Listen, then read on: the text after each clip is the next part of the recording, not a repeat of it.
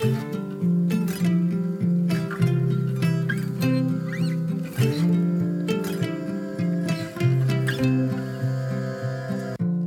och välkommen till For Health med Anna Sparre. Idag ska vi prata med Anna Hallén om gelatin, kollagen, sömn, värk, magbesvär och en hel massa annat. Om du är nyfiken efter avsnittet så hittar du mer information på forhealth.se. Missa inte heller att följa med på Facebook och Instagram. På Facebook så hittar du mig och For Health på facebook.com forhealth.se och på Instagram via asparre i ett ord.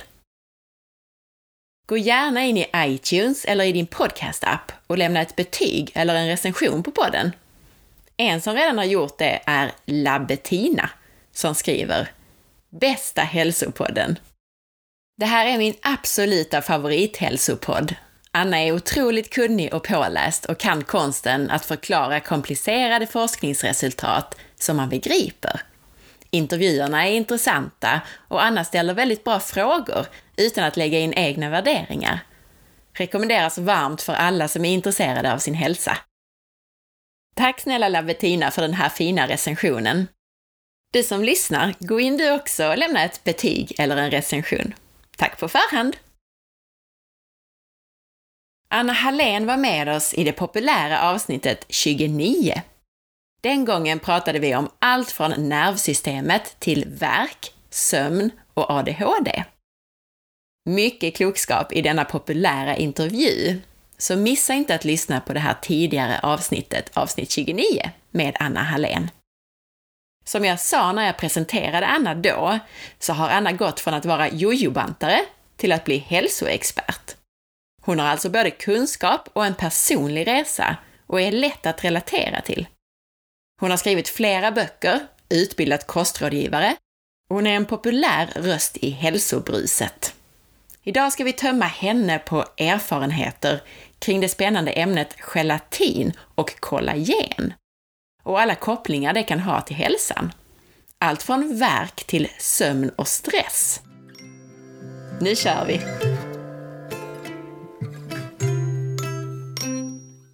Hej Anna, så roligt att du ville komma tillbaka till podden. Så roligt att du ville ha tillbaka mig. Ja, det är klart. Du var jätte, jättepopulärt sist och det var jätteroligt att prata med dig. Vi pratade ju om din bakgrund när du var med då i avsnitt 29 och jag har dessutom mm. spelat in en kort presentation till det här avsnittet, så jag tror inte att du behöver en närmare presentation idag. Men jag vill ändå gärna börja med att fråga dig vad du har ätit idag.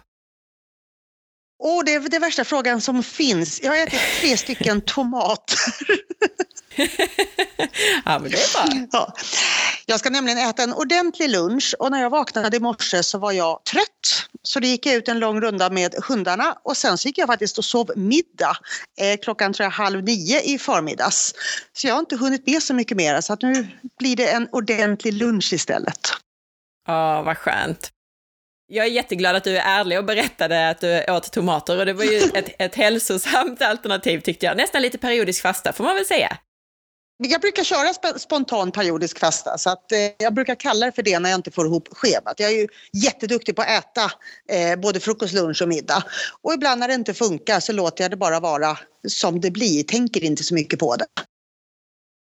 Apropå dagens ämne förresten, har du ätit några tillskott eller kanske lite gelatin? Nej, jag äter inte så mycket tillskott. Jag äter omega-3 i ganska så stor dos för att hjärnan ska funka. Och sen äter jag ja, sporadiskt tillskott om jag har ja, slarvat för mycket eller tränat för mycket eller eh, rest för mycket så att jag hjälper till. Men jag har inga tillskott förutom omega-3 som jag, som jag äter regelbundet och jag äter inte gelatin själv. Vi ska ju då prata gelatin och, och kollagen idag. Kan du börja med att berätta för lyssnarna vad i hela friden detta är för någonting? Eh, det började med att jag höll en föreläsning på en av mina utbildningar om eh, socker blodsocker och för högt konstant blodsocker och hur det då eh, ombildades till det här AGE-komplexet som klibbar fast på våra proteiner. Och så pratar jag då hemoglobin som man gör då när man pratar diabetes och långtidsblodsocker och sen så berättar jag att nästa sak som det här AGE-komplexet kladdar ihop sig på är kollagenet. Och då när jag står och pratar om det här så trillar en polett ner. Plus att en tjej i gruppen som är jättevaken är bara att men stopp ett tag, då borde jag kunna påverka artros. Så vi lämnar helt ämnet på den föreläsningen som jag egentligen har och börjar grotta ner oss i det här. Och då berättar hon att hon har en mamma som eh, har jättesvår artros och det tar ungefär en kvart för henne att bara komma upp i sängen på morgnarna. Och då sa jag, men testa gelatin på henne för det är ju helt vanlig kokt eh, kollagen och sen så se om vi kan hjälpa till med återuppbyggnaden i alla fall. Och så frågade jag hur mycket ska man ta? Ja, en tesked, för det svarar jag alltid. Eh, helt utan vetenskaplig grund. och sen när hon kom tillbaka eh, tre veckor senare, för de har sådana lång eh, plugg och studietid emellan, så sa hon bara det att du är min mammas nya guru och hon älskar dig och nu går hon upp ur sängen på ungefär 30 sekunder. Wow. och då väcktes ju nyfikenhet att, och det, jag menar, det här är ingenting som jag har hittat på utan det var en polett som trillade ner som har trillat ner hos väldigt många. Men jag har ju de sociala medierna att nå ut ganska snabbt och ganska lätt med en sån här aha-upplevelse. Så där startar det eh, från, från, som en tillfällighet i, i en föreläsning som faktiskt handlade om högt konstant blodsocker egentligen. Berätta då, alltså en lyssnare som för, för första gången hör ordet kollagen eller gelatin, vad, vad, är det för någonting? Vad är kollagen för någonting? Det är eh, proteiner som bygger alla sega delar i kroppen kan man säga. Allting som ska vara elastiskt. Den bygger brosket, den bygger våra senor. Den är en väldigt viktig del i huden så att huden är elastisk och kan röra på sig och att huden sen ska kunna återgå till sin normala form. Om man till exempel har dragit i, i huden vid handen så ska ju den liksom glida tillbaka och sen se ut som den gjorde förut och det är eh, kollagenet i vår kropp. Eh, och sen så gelatin är egentligen kokt kollagen. När vi kokar bendelar eh, från ja, kyckling eller från oxsvanssoppa eller allt som vi hade förr i tiden så kokar ju vi kollagenet och då blir det gelatin. Och det är det här kladdiga, dallriga som vi ser eh, i maten eller om man gör alla dober till exempel. Och då är det så häftigt att kroppen, om vi nu äter gelatin kan bygga det och använda det som byggnadsstenar till kollagen. Till exempel då i, i brosket. Och det är därför den blev så intressant då vid artros, när man har för lite brosk. Det stämmer för att de här proteinerna innehåller ju olika aminosyror då, och det är de som är byggstenarna där. Precis, och det mest spännande är en aminosyra som heter glycin. Och gelatin och kollagen innehåller väldigt, väldigt, väldigt, väldigt mycket glycin.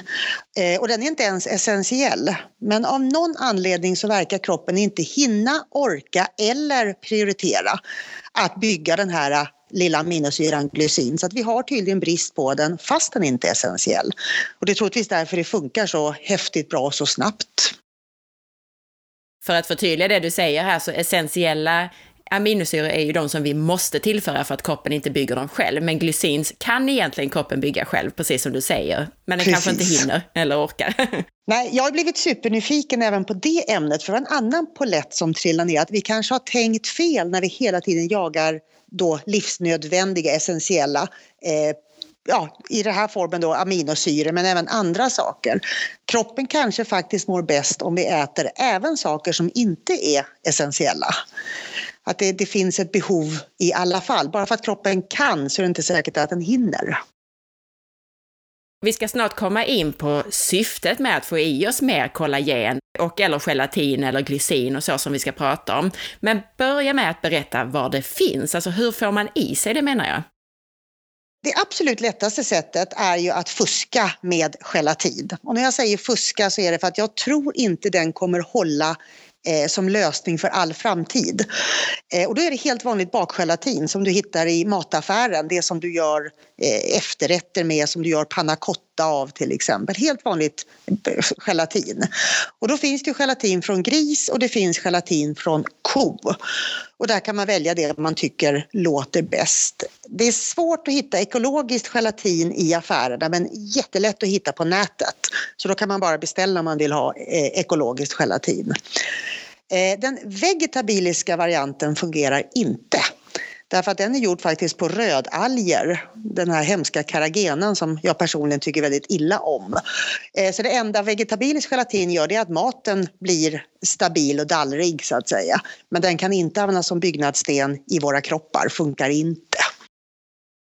Eh, men sen tycker jag att man ska välja naturliga källor. Det här med gelatin var ju en idé som ploppade upp som vi sen testade på i en Facebookgrupp som jag har. För att jag ville se, funkar det bara på en person? Var det en tillfällighet? Fast nu verkar det funka på, på tusentals människor. Men allting man överdoserar har ju alltid en baksida. Och vad baksidan med gelatin blir, det vet jag inte. Men jag har sagt att vi ska inte hålla på att trycka i oss en sak i överdos konstant för resten av livet. Eh, och då går vi tillbaka till som vi åt. Eh, jag säger alltid för hundra år sedan, men ungefär för hundra år sedan. Och då var det ju att man kokade ju alla soppor med benresterna i. Kokar man kycklingsoppa så kokar man inte kycklingsoppa på kycklingköttet, man kokar ju på hela skrovet. Eh, man gjorde oxsvanssoppa, man gjorde alla dober. Skulle man göra en gryta så slängde man ju alltid i grytbitar med ben. Nu har vi ju skurit bort benen och så har vi bara tråkiga grytbitar kvar. Och alla de här bendelarna, och ännu bättre man kan få med leden, att man har alltså ben som sitter ihop som man kan, som man kan böja. Och då får man all den här äh, supermaten för våra leder, för våran hud, till och med för våra signalsubstanser. Den är, den är makalös. Och sen tog vi helt plötsligt bort det här, jag vet inte riktigt när det var, men då blev det ju buljongtärningar istället. Eh, som inte innehåller någonting bra. Jag brukar säga jag aldrig sett så mycket skräp på så liten yta.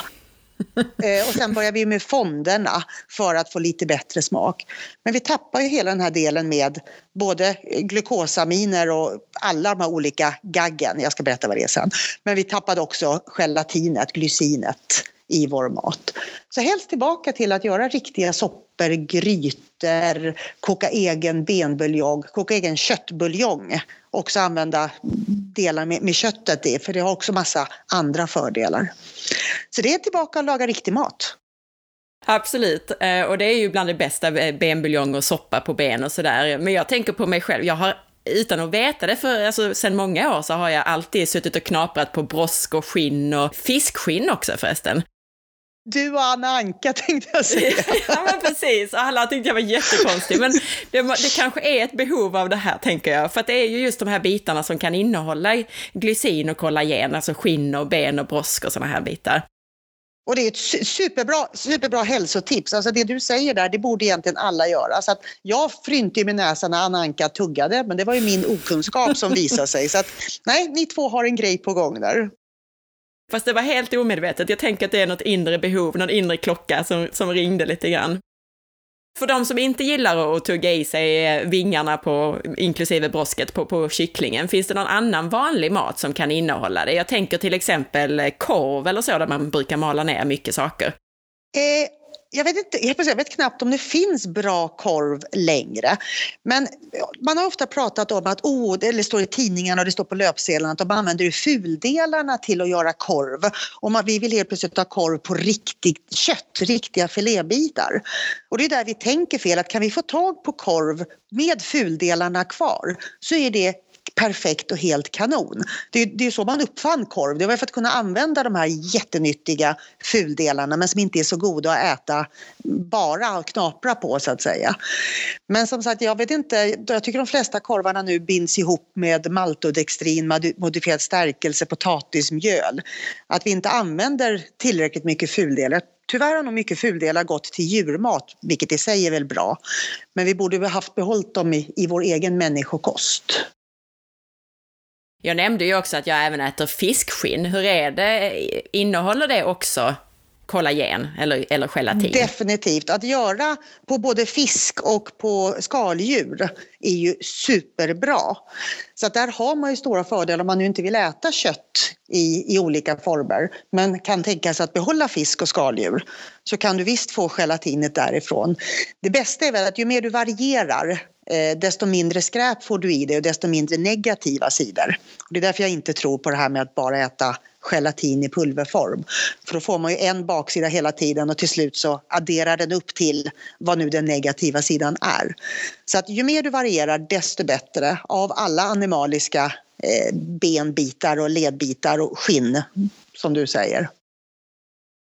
Och jag tror också, alltså om man gör gelatin själv så, så är det ju bara att man kokar kollagen så att säga. Men jag tror att det här pulvret man köper, att det har gått igenom lite hårdare process med rening och avsaltning och förtjockning och sterilisering och så vidare.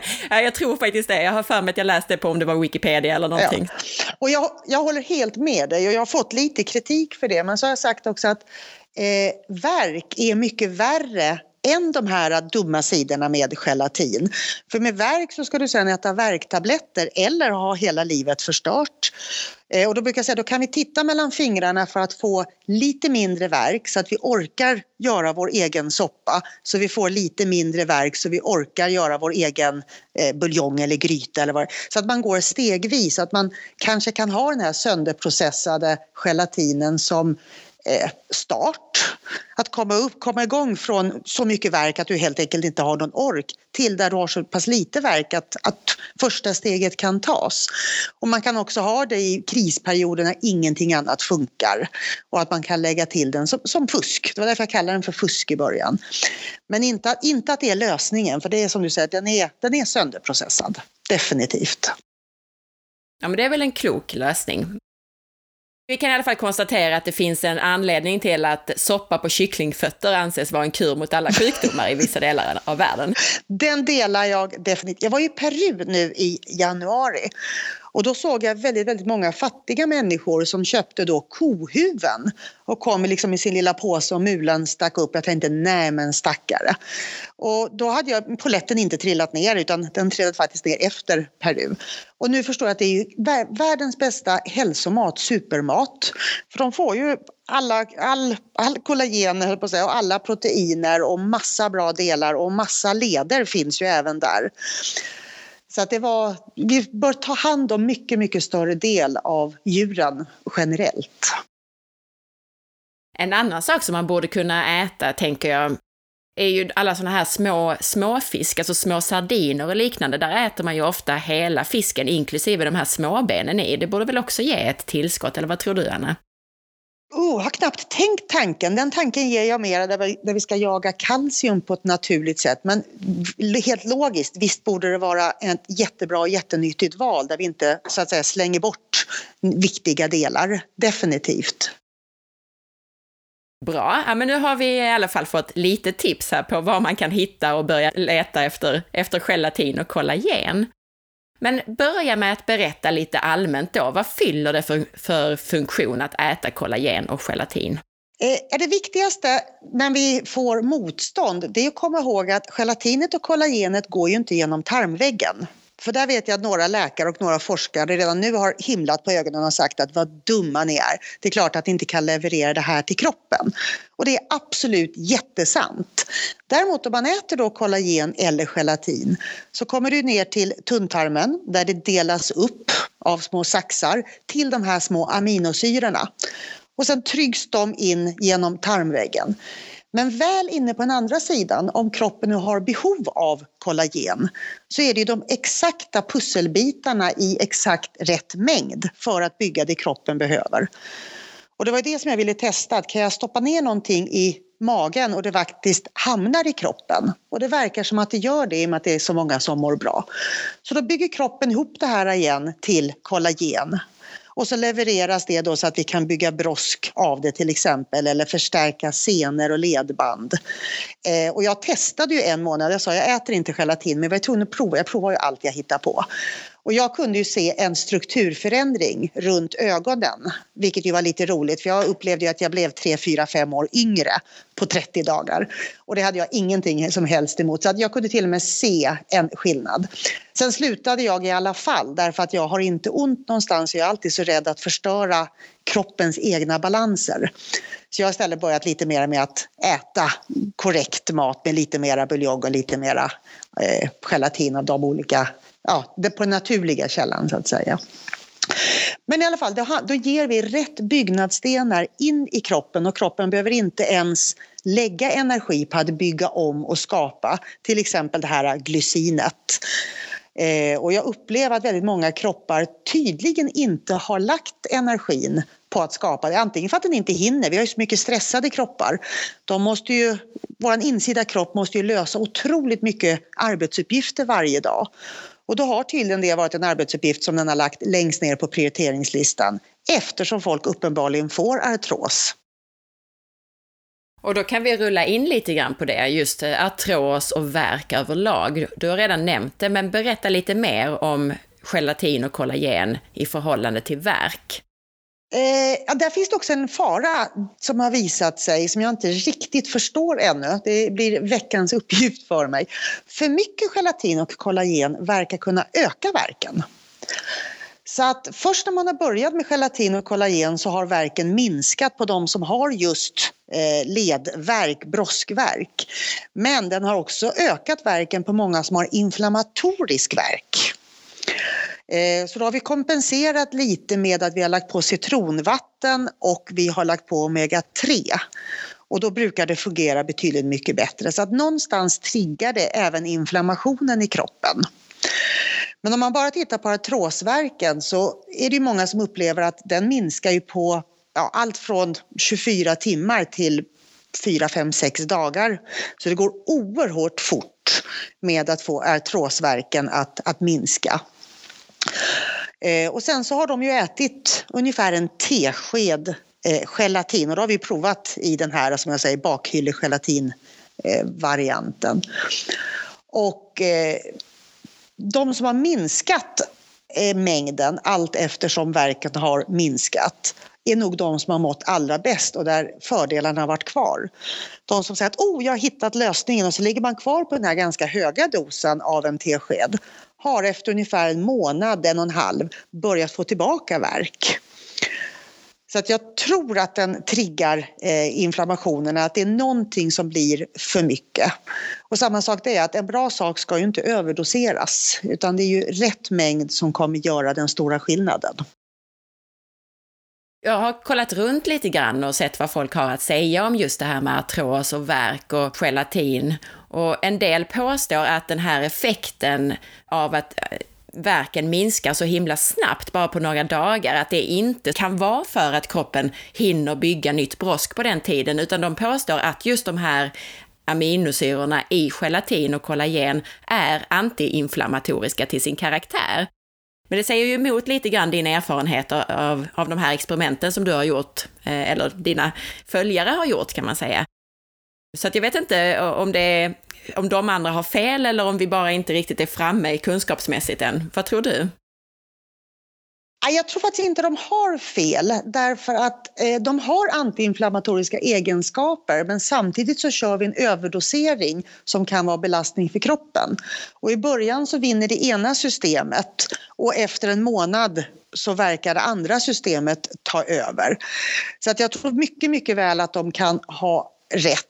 Plus att glycinet påverkar ju tillsammans med lysinet som också finns, påverkar vår hjärna på ett oerhört positivt sätt. Eh, och den påverkan kan också spela in eh, och få den här enormt positiva effekten. Man får bättre sömn, det påverkar tallkottkörteln och melatoninet, vår sömnhormon. Eh, och får du bättre sömn, ja då får du bättre tålighet mot värk. Så jag tror faktiskt inte att det är ett facit och en lösning och en enda liten nyckel. Jag tror att det är jättemånga saker som händer.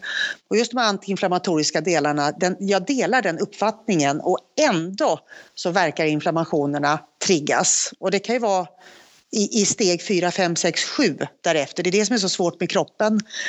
Man vet ju inte när den slutar bygga en sak. Allting byggs ju i stort sett av varandra. Och så kan man ju inte stoppa funktionen till steg 8, 9, 10. Och när vi tittar på kunskap så tittar vi nästan alltid tyvärr på detaljkunskapen. Vi tittar på ett, kanske två steg i kroppen, letar fram den faktan och så försöker vi tolka den till verklighet. Och så rör jag till allting. Nej, båda två här.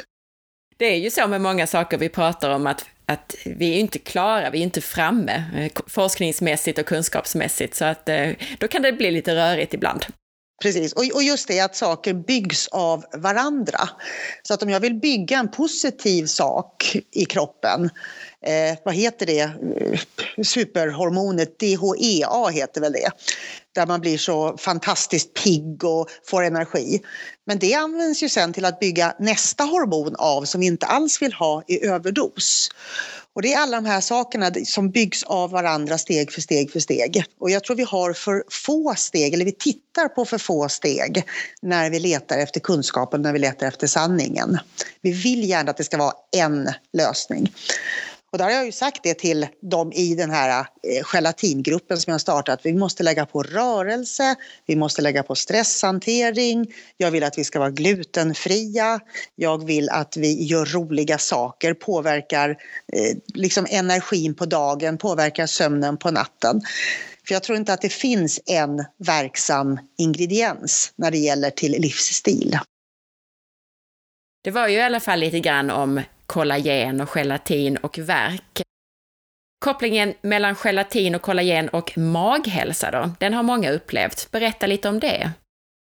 Ja, där har vi också sett eh, väldigt många olika resultat. Eh, vi vet ju att kollagen behövs i allting som ska vara elastiskt, vilket gör att vi behöver naturligtvis eh, kollagen för magen och vi behöver kollagen för tarmen. De är ju om något elastiska. Så att där har det visat sig att många mår väldigt mycket bättre. Men innan de mår bättre så har vi råkat ut för både förstoppningar och diarréer. Och det blir ju så att ibland kan du göra rätt sak men mag och tarmsystemet är så slitet och så trött att det reagerar negativt att börja med. Och då har vi sagt det att halvera dosen eller ta en fjärdedel av dosen och sen gör alla andra saker runt magen på ett korrekt sätt. Och där pratar jag ju i stort sett alltid glutenfritt och nervsystemet. Eh, är vi oroliga så är det det värsta och mest slitsamma för vår mage och tarm som finns. Jag tror inte det finns någon mat som är värre än oro. Men då jobbar vi mycket med stresshantering, glutenfritt och så långsamt lägger på gelatinet. Och där har jag också sagt att där vill jag ju hellre att man dricker buljong än att stoppa i sig hårdprocessad vit pulvergelatin. Kan det inte vara så också att gelatinet, alltså den här gelen som, som bildas, att det blir som en liten skyddande hinna i tarmen? Vad tror du om den effekten av det? Jag vet inte riktigt. Eh, om vi beter oss som vi ska göra eh, så ska vi egentligen inte äta mellan måltiderna. Och då har vi den här naturliga städprocessen. Och jag har för lite kunskap om den naturliga städprocessen ser gelatinet som en fördel som ska vara kvar eller om den ser gelatinet som en sak som ska städas bort. Eh, jag vet ju att lera och smuts eh, får ju stanna kvar. Där ser ju våran kropps naturliga städprocess till att det är en fördel och en positivitet. Det är som djur äter ju lera och smuts när de har problem med magen. Men jag vet, jag vet inte hur hur kroppens städ, städpatrull i, i tarmarna gör med just den här äh, gelatinkladdet. Det får bli nästa sak jag kollar. Du ger mig en massa ja, arbetsuppgifter nu. ja, jag vet, jag tar upp så mycket. Men det finns så mycket, det finns så många som har sett olika effekter, så vitt spridda effekter, alltså allt från maghälsa till sömn och så som vi har nämnt här. Så att det är intressant att ta upp alla de här bitarna. Mm. Och och, om du har Ja, jo, men det, det, har jag definitivt och den ingår ju som en viktig byggnadssten. Och jag vet ju att, som sagt, det jag inte förstår det är förstoppningseffekten. Däremot förstår jag ju de som då blir lösare i magen eller de som till och med kan lösa förstoppning av gelatinet. Eh, och jag vet ju de, alla som känner mig vet att jag alltid pratar bajs och det kommer jag nu också. Men där man har upplevt att bajsen blir eh, mera mjuk och så att säga gelatinaktig. Men då har man ju överdoserat gelatinet för då har det ju uppenbarligen inte kommit in i kroppen utan hamnat i tjocktarmen. Och då kan det ju faktiskt få en stor fördel om man har stora problem med förstoppningar. Men så har vi också då fått de som har fått förstoppningar när de la till gelatinet. Så det, det, är inte en klar, tydlig linje som, som gäller för alla. Nej. Nej, man får testa helt enkelt. Det är bara att prova. Ja. Mm. Och så nämnde vi ju sömnen då. Precis. Berätta om vad det kan ha för effekt på sömnen. Eh, nu när jag sitter här och pratar med dig så kommer jag faktiskt inte ihåg om det är lysinet eller glycinet som påverkar tallkottkörteln och melatoninet. Men det är bara att slänga sig på Google. Så jag tänker inte stensäkert säga vilket det är. Men den ena av dem är i alla fall otroligt påverkande på vårt sömnhormon melatonin. Och då märkte vi också det innan vi kom på den här delen. Vi har ju lärt oss nu efterhand i den här gruppen allt eftersom folk har sagt det här händer mig. Och så slänger man sig ner och vad kan det vara för funktion? Men då såg vi i alla fall att det påverkar tallkottkörteln som är den som bygger sömnhormonet melatonin. Och då byggs det mera så att vi blir tröttare. Eh, och det kommer att påverka djupsömnen och det kommer påverka återhämtningen helt makalöst. Och först tyckte ju folk att det var ju något negativt. Åh, jag kan inte äta gelatin, jag blir så trött. Eller kollagen för jag blir så trött. Och då sa jag, men det är ju helt fantastiskt perfekt. Ta det på kvällen istället och använd det här som god sömn. Så att istället för att se tröttheten som något negativt så kunde det helt plötsligt påverka till en mycket bättre sömnkvalitet. Och då var det väldigt många som sa att Nej, men det funkar bra för mig att ta det på morgonen. Jag sover jättegott på kvällen. Och några bytte till kvällen och sover jättegott på kvällen. Eller på natten då. Så att där, och där finns det ju en direkt påverkan på vårt sömnhormon melatonin. Och jag har hört om folk som även upplever att det har stor eh, påverkan på serotoninet, alltså att man mår mycket bättre. Det har till och med minskat suget för väldigt många eh, som är sockerberoende till exempel. Där har vi testat med eh, citronvatten och eh, gelatin. Och där har jättemånga återkommit att suget minskar eller till och med försvinner. Får mycket bättre kontroll på hjärnan. Och melatoninet och serotoninet de sitter ju också ihop med varandra. Så att det kan nog med, som sagt, i steg 2, 3, 4, 5 även påverka serotoninet. Och det är också spännande att se hur en icke-essentiell aminosyra, alltså en icke livsviktig aminosyra, har så otroligt stor påverkan när vi sen tillsätter den till kroppen. Som du säger, mag och tarm, sömn, energi, sug, eh, ledvärk, så det är många, många pusselbitar som vi nog har glömt att ha i vår vanliga mat de sista 30-40 åren. Spännande. Och jag vet inte heller vilken aminosyra som påverkar just tallkottkörteln och melatoninet, men jag vet att glycinet i alla fall är känd som en sån här lugnande signalsubstans eh, och därför kan, kan göra att man sover bättre. Vilket också då är superhäftigt när man ser att vi har jagat eh, 5-HTP och vi har jagat tryptofan. Och sen är det helt plötsligt glycinet i helt vanlig benbuljong som gör minst lika stor eller kanske ännu större effekt. Jag tror vi kommer komma tillbaka till det jag alltid tjatar om att vi måste äta alla näringsämnen alltid och sen låta kroppen fixa det här själv att försöka leta upp den enskilda lilla lösningen, jag tror aldrig det kommer att hålla. ADHD och energibarn pratade vi om förra gången och det är ju mycket av ditt hjärteämne om jag har förstått det rätt. Mm. Har du testat gelatin eller kollagen och ADHD? Ja. ja. Jag har några modiga mammor. Eh, det finns modiga pappor också, men jag har mest kontakt med mammor för det är mest kvinnor som följer mig som har provat. Och där finns det en liten varning, jag tror att det är på lysinet, att det kan öka på hyperaktiviteten. Men jag sa det att jag tycker vi testar i alla fall för om vi kan öka på sömnen. För många av barnen med ADHD eller MPF generellt har ju ganska stora sömnproblem. Och vi vet att eh, dopaminnivån och serotoninnivån ofta är alldeles för låg. Så då sa jag att vi testar med gelatin. Och då var det inte världslätt att få in eh, gelatinet eh, i deras kost. Eh, alla går inte med på att äta de sakerna som vi vuxna presenterade. Och då var vi faktiskt ute och eh, googlade in gelatingodis. Och då pratar jag inte med massa socker och sötningsmedel och dumheter. Utan det finns en hel del bra. Till exempel Birgitta Höglund har ett jättebra en naturligt recept på såna här bärgelatinkuber.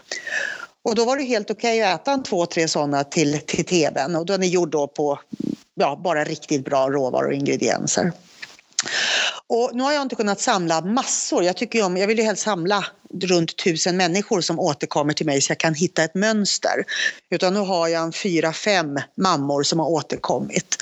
Men i en av dem sa ju det att min sov, son sov nonstop, tror jag, i fyra timmar. Vaknade och sov nonstop i tre timmar till. Och hon sa att hon har aldrig haft så mycket sammanhängande sömn på många, många, många år. Och då blir det ju superintressant även där att kolla om man kan få in det mer naturligt i, i barnens kost. Och det är ganska självklart. Jag menar, vi med ADHD eller någon form av MPF, vi har ju hjärnor som är precis likadana som alla andras hjärnor. Bara lite mer känsliga och inte riktigt perfekt balans för det samhället som vi har. Så det som är bra för alla brukar ju vara extra bra för oss och ibland till och med nödvändigt. Du nämnde ju att när du testade att du såg skillnad på huden och huden runt ögonen. Berätta om den här effekten eller varför potentiellt i alla fall gelatin och kollagen gör att du får en bättre hud. Ja, det finns ju eh, två stycken delar i, i huden som håller eh, vad heter det, elasticiteten. Det ena är ju elastin och det kan man säga det är som gummiband som tyvärr kan gå av. Och när de har gått av eller blivit för utdragna så kan man inte göra någonting så att då får man de här bulldogshängkinderna och så vidare.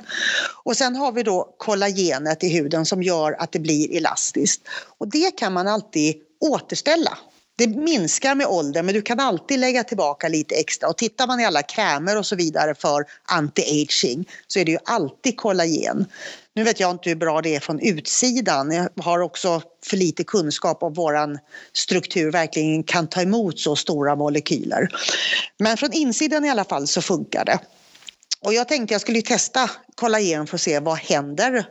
Och då har jag ju ingen verk och jag har inga magproblem. Jag är så otroligt lyckligt lottad. Eh, och då testade jag i 30 dagar för jag skulle ha en, en tidsslut på det här projektet. Och jag upplevde faktiskt försämrad sömn redan efter någon vecka. Men så hade jag bestämt mig för att köra i 30 dagar. Jag tänkte att vi ser vad som händer.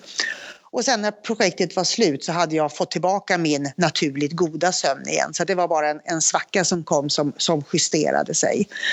Men så såg jag ju då i spegelbilden att jag hade mindre rynkor på sidan och bättre, du vet när, ja, det vet inte du, du är för ung ännu, men när, när ögonlocken börjar ramla ner över ögonen eh, så, så ser man mycket tröttare ut.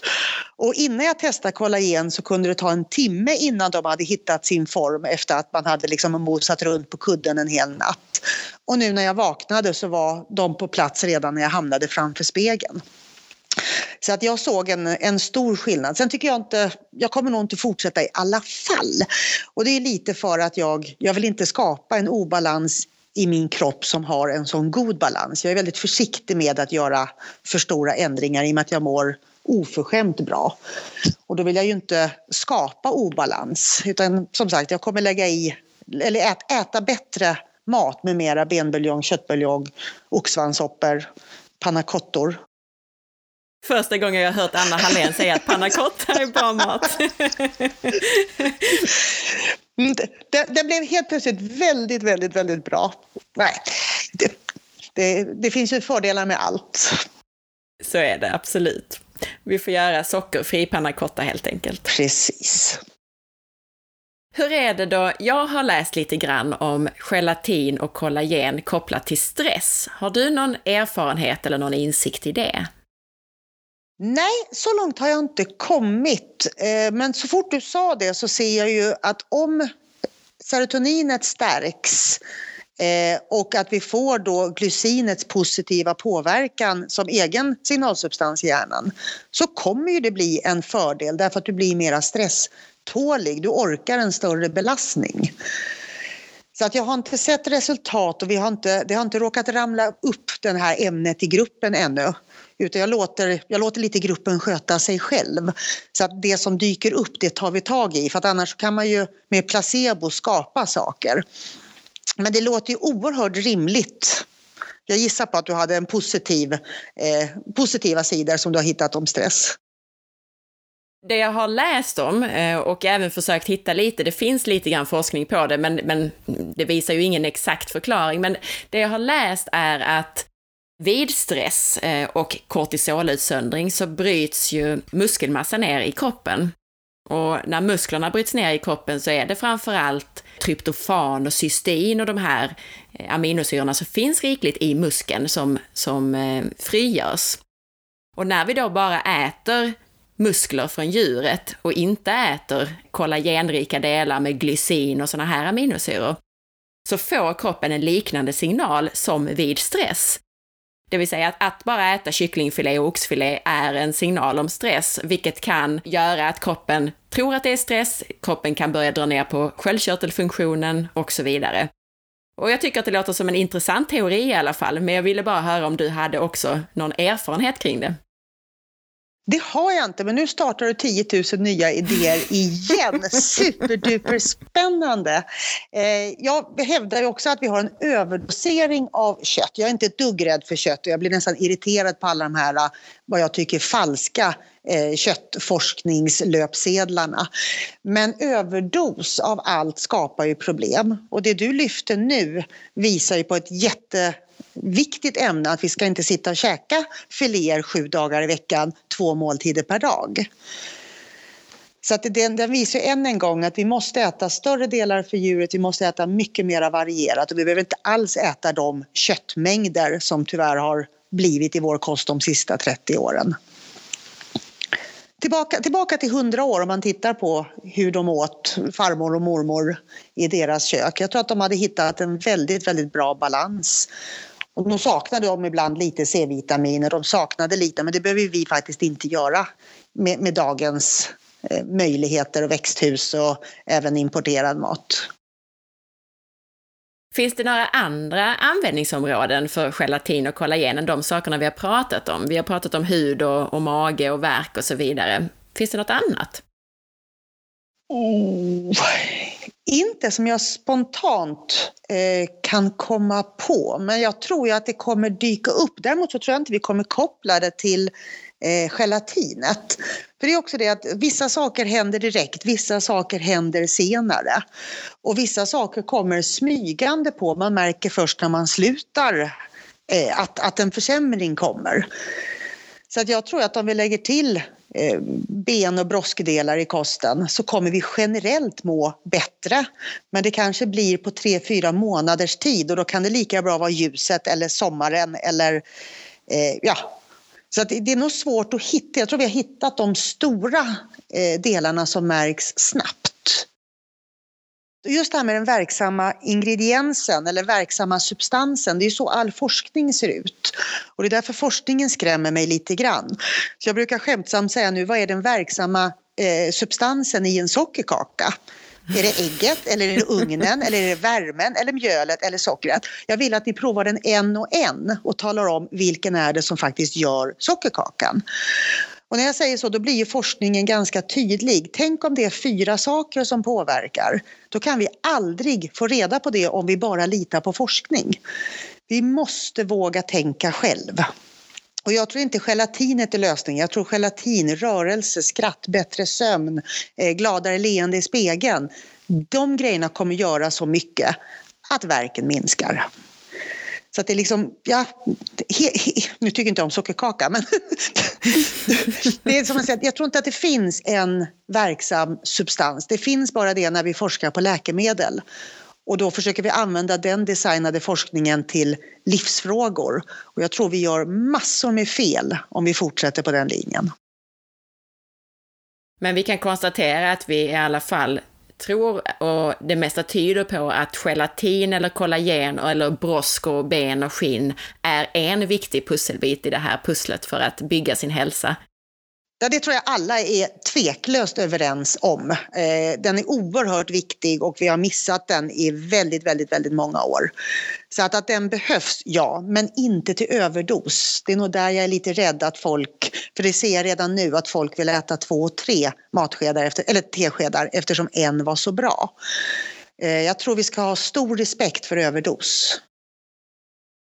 Det kommer vi in på då, alltså det jag nämnde där med att äter vi bara muskel, ja men då får vi bara tryptofan och cystein och sådana här aminosyror, eller för mycket av dem. Men gör vi tvärtom så får vi ju för lite tryptofan och så vidare i förhållande till, till glycin och de andra som finns i gelatin och kollagen. Precis.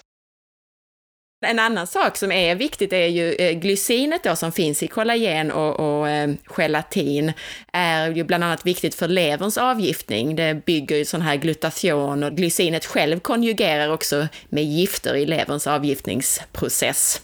Så det är en annan, en annan sak som är viktig också. Precis, och där tror jag, och nu kommer ett tror som jag inte alls har någon vetenskaplig grund på, men jag tror att det kan vara en av sakerna som gör att vissa människor faktiskt sover sämre under en period. Därför att levern jobbar ju gärna nattetid. Eh, och får vi då igång processer, vi får igång funktioner, vi får igång, så kan det mycket väl styra andra saker innan kroppen har hunnit ställa om och hunnit liksom reglera allting.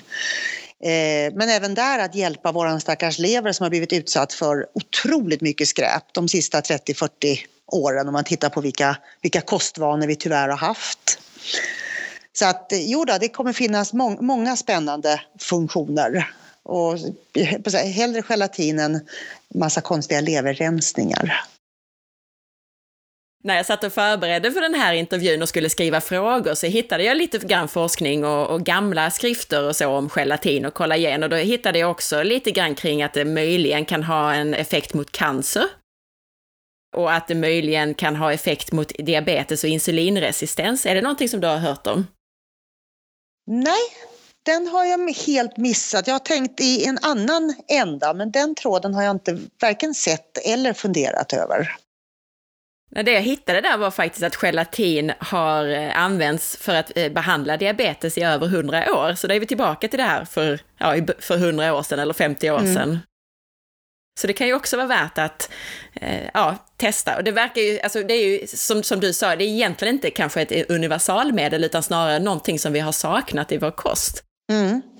Definitivt. Jag har eh, funderat på att vi både saknar det men också att vi har överdos av omega-6 och har haft ganska länge i vår eh, kost, i alla fall här uppe i Norden. Och sen så har väldigt många haft ett för högt eh, konstant blodsocker. Vi har ätit mycket mera kolhydrater än vad våra system har kunnat fixa till. Och har vi då brist på alla de här viktiga aminosyrorna som då finns i gelatin, kollagen tillsammans med högt omega-6 och högt blodsocker, då har vi ju skaffat väldigt många Eh, möjligheter till sjukdomar, till cancer, diabetes typ 2 till exempel. Eh, även de här autoimmuna sjukdomarna har vi också sett till att verkligen trigga och göda på, på, på många negativa sätt. Så att både brist och överdos har vi ju troligtvis levt med i, i alla fall i 30 år när jag ändå var på och läste så hittade jag också att man eh, för knappt hundra år sedan så använde man gelatin mot blödningar, allt från riklig menstruation till näsblod. Och jag gissar att det kan ha att göra med att det ingår som byggstenar i blodkärlens väggar, men eh, har du mm, någon erfarenhet eller fundering kring det? Den frågan och funderingen ligger nog utanför mina kunskaper papper. Det jag tänker på är både att det ska vara menstruation och näsblod. Eh, för det är två helt olika former av blödningar. Så att jag tror att ska man leta svaret där så tror jag att man kommer hitta två olika svar. Mm. Även om man på den tiden kopplade ihop det till en och, en och samma. Om vi stannar på den två sekunder bara så tror jag det är två olika svar. Så att blodkärls eh, elasticitet, elasticiteten för näsblod tror jag är helt korrekt. Och det andra tror jag är en hormonellt styrd del som kanske också kan bli bättre. För att jag menar, funkar glycinet som eh, signalsubstans i hjärnan, det påverkar melatoninet, ja då är vi ju inne på hela, hela den delen. Då kan det ju mycket väl påverka progesteron, det kan påverka eh, kortisol. Det, alltså det, det finns, just om jag säger steg 7, 8, 9 så kan man nog hamna på jättemycket spännande eh, följdeffekter. Om vi nu tar det som tillskott, spelar det någon roll om vi tar det som gelatin, kollagen eller som rena aminosyror som till exempel glycin? I min värld gör det det. Eh, jag vill ju helst att man tar det som eh, riktig benbuljong eller riktig köttbuljong där bendelarna har varit med. Och det är för att man ska få i alla delar i rätt balans. För jag tror ju att byggnadsstenarna i kroppen, det som har fått oss att må bäst, det var ju det vi har ätit de sista 200 000 åren ungefär.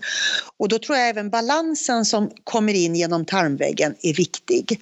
Och tittar vi då på benbuljong och på köttbuljong så finns det ju inte bara eh, rätt byggnadsstenar i rätt perfekt balans. Utan där finns ju även de här glukosaminerna som vi nu tar som tillskott. Men det är ju bara en av sju stycken olika. De förkortas GAG. Eh, vi brukar kalla dem för GAG. Eh, så att, och då behöver man ju ha de andra också som också har väldigt stor eh, effekt och viktighet på kroppen. Och när vi då äter till exempel köttbuljong som har haft benbitarna i, då får vi köttets naturliga svavel som också är supernyttigt och jätteviktigt för hur kroppen sen ska kunna konstruera och bygga. Så när vi går då till ett tillskott som bara glycin, ja då har vi tagit bort alla andra fördelar. Och då börjar folk köpa, då köper de ju glukosamin. Ja, men då har vi missat sex stycken andra. Ja, men då köper man MSM för att få svavel. Och då sitter vi sen med liksom 28 stycken tillskott istället för att äta vanlig mat där allting finns i perfekt balans till varandra. Så att jag tror att det är jättestor skillnad eh, på om du äter det som riktig mat eller som tillskott. Och sen om vi tittar på kollagen och om vi tittar på gelatin Eh, så är kollagenet, eller sägs vara bättre eller ha en bättre biotillgänglighet. Det är lättare för vår kropp att ta upp det genom tarmväggen. Men om jag då funderar på hur vi har ätit så har vi faktiskt alltid kokat de här bendelarna och då blir ju kollagenet gelatin. Så att ja, det visar sig så i forskningen men frågan är om det spelar någon roll i verkligheten. För då borde ju inte vi människor ha mått så bra om vi var tvungna att äta kollagenet rått vi har ju faktiskt klarat oss i väldigt många tusentals år på kokt kollagen som är gelatin. Men däremot kanske inte i den vita processade pulverformen naturligtvis. Men hel mat, där alla delar är med alltid, då behöver vi inte tänka så mycket, du behöver inte kunna så mycket, du behöver inte läsa på så mycket, utan det funkar betydligt mycket bättre. Om man vill ta gelatin eller kollagen som tillskott trots allt, för du sa ju det att man kan ju börja i den änden för att hinna bli lite bättre innan man tar tag i och koka sin benbuljong. Precis. Hur tar man då gelatinet? Alltså, tar man det på sked eller eh, strör man det på maten eller hur tar man det? Väljer man att köpa kollagen så klumpar det inte utan då häller man ner det i vatten och så rör man om och så dricker man. Det finns till och med kollagen i kapselform som man kan ta om man tycker att det är läskigt eller smakar konstigt eller någonting sånt. Men läs noga på kollagenet ni köper. För jag har sett att det finns de som har sötningsmedel i sig och det vill vi inte ha. Och det finns till och med kollagen som har gluten i sig och det vill vi inte heller ha. Så att man verkligen läser på paketet man köper. Väljer du då gelatin som är otroligt mycket billigare, en burk kostar 19 kronor, så att då blir det ju hälsa för alla ekonomier. Då finns det de som tar gelatinet, rör ner i ett glas vatten och så bara dricker man. Och då har man bråttom att dricka för då blir det lite klumpar. Smakar ingenting och det går jättefort. Eh, när jag tog gelatinet så tog jag det på det viset och då hällde jag ner det i citronvatten. Eh, citronen tar bort känslan för mig, eller jag tyckte det i alla fall. Och sen finns det de som bara strör på maten eftersom det inte blir någonting av det och det smakar ingenting. Och det finns de som tycker att det är bättre om man då lägger det i vatten och låter det bli tjockt. Och sen tar man gelén och rör, rör, ut i kaffe eller te eller varmt vatten. Så att det sen smälter så att man inte får rått gelatin så att säga. Och sen bara dricker eh, sitt kaffe. Och då kan man inte heller vänta för länge för då blir det lite gelatinäckel på botten kvar. Så det finns lite olika knep att, att få ner det. Men kollagen är mycket, mycket dyrare men blir inga klumpar. Gelatin är mycket billigare men kan ju då bli klumpar. Så måste vi också innan vi slutar ta upp det här med GAG, eller glukosamin som du nämnde, för nu blir ju alla jättenyfikna. Berätta lite kort om vad det är och vad det har för fördelar. Ja, jag för mig att det heter eh, glukosaminglukaner om jag inte kommer ihåg helt fel. Jag älskar förkortningar och jag är inte så förtjust i de långa namnen eftersom det är så mycket som ska få plats i min hjärna.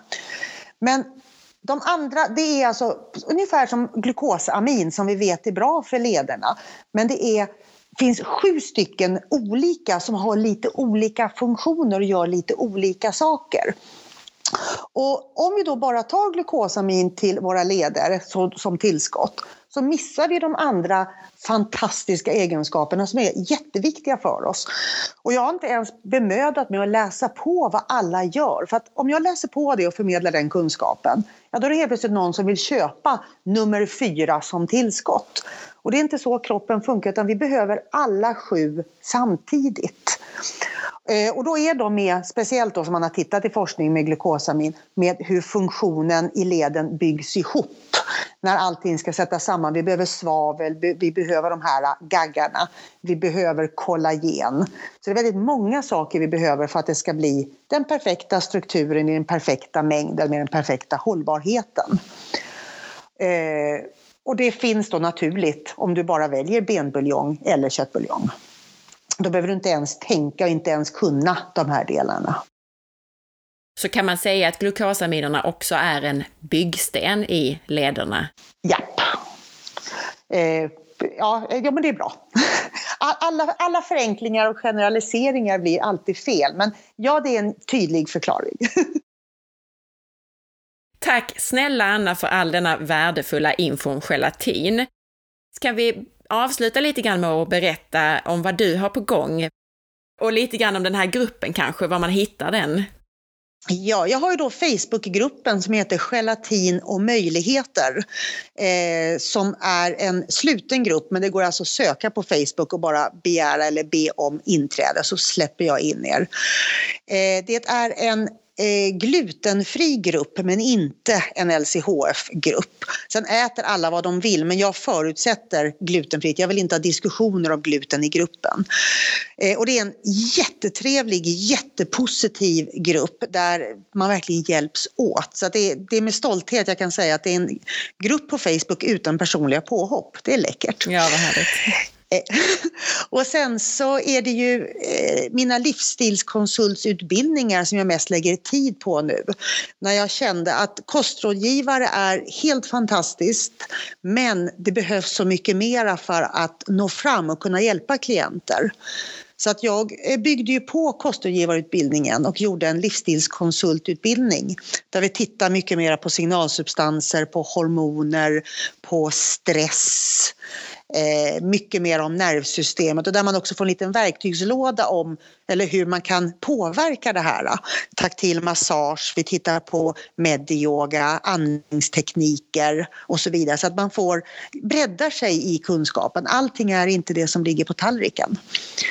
Och där har jag ju nu kurser på min gård och efter mycket tjat så har jag faktiskt en intensivkurs i Stockholm januari 2017. Och då måste jag lägga till, för jag är lite ego och lite så här fåfäng, men det vet folk redan. vet ni vad jag ska i januari, eller februari 2017? Nej. Då ska jag ner till Israel och hålla utbildning. Vad häftigt. Jo, det, det är kaxigt. Lycka till Hanna med allt du har för dig. Om man nu vill anmäla sig till de här utbildningarna eller komma i kontakt med dig, var hittar man dig? annahallenutbildningar.se och då hittar man info om alla utbildningar och vill man hitta min blogg så är det annahallén.se. Missa inte att jag föreläser i Lund den 25 maj. Föreläsningen hålls av Achima. Mer information på deras Facebook-sida, Achima Care Rehab Skåne. Och anmälan görs till eva.damkär.achima.se. Och Damkär stavas D-A-M-K-J-A-E-R. Tack för att du lyssnade idag! Du vet väl om att du också kan boka mig som föreläsare till ditt företag eller privata grupper? Gå gärna in i iTunes nu och lämna ett betyg eller en recension. Det gör du så här. I iTunes, sök fram podcasten For Health med Anna Sparre. Välj sedan recensioner, eller betyg och recensioner beroende på om du använder din telefon eller din dator. I betyg och recensioner så klickar du på stjärnorna. Klickar du längst till höger så markerar du alla fem stjärnor, det vill säga om du tyckte det var bra. Och klickar du längst till vänster så blir det bara en stjärna, om du tyckte att det var sämre. Du kan på samma sida trycka på knappen Skriv recension och skriva en mening om vad du tycker. Om du vill dela med dig av avsnittet till en vän så klickar du på pilen bredvid knappen Prenumerera om du använder iTunes på din dator. I din mobil så hittar du troligen symbolen för att dela podcasten uppe till höger på din skärm. Men du får gärna också kopiera länken för podden på forhealth.se och dela den på Facebook. Ha en underbar dag så hörs vi snart igen. Hej då!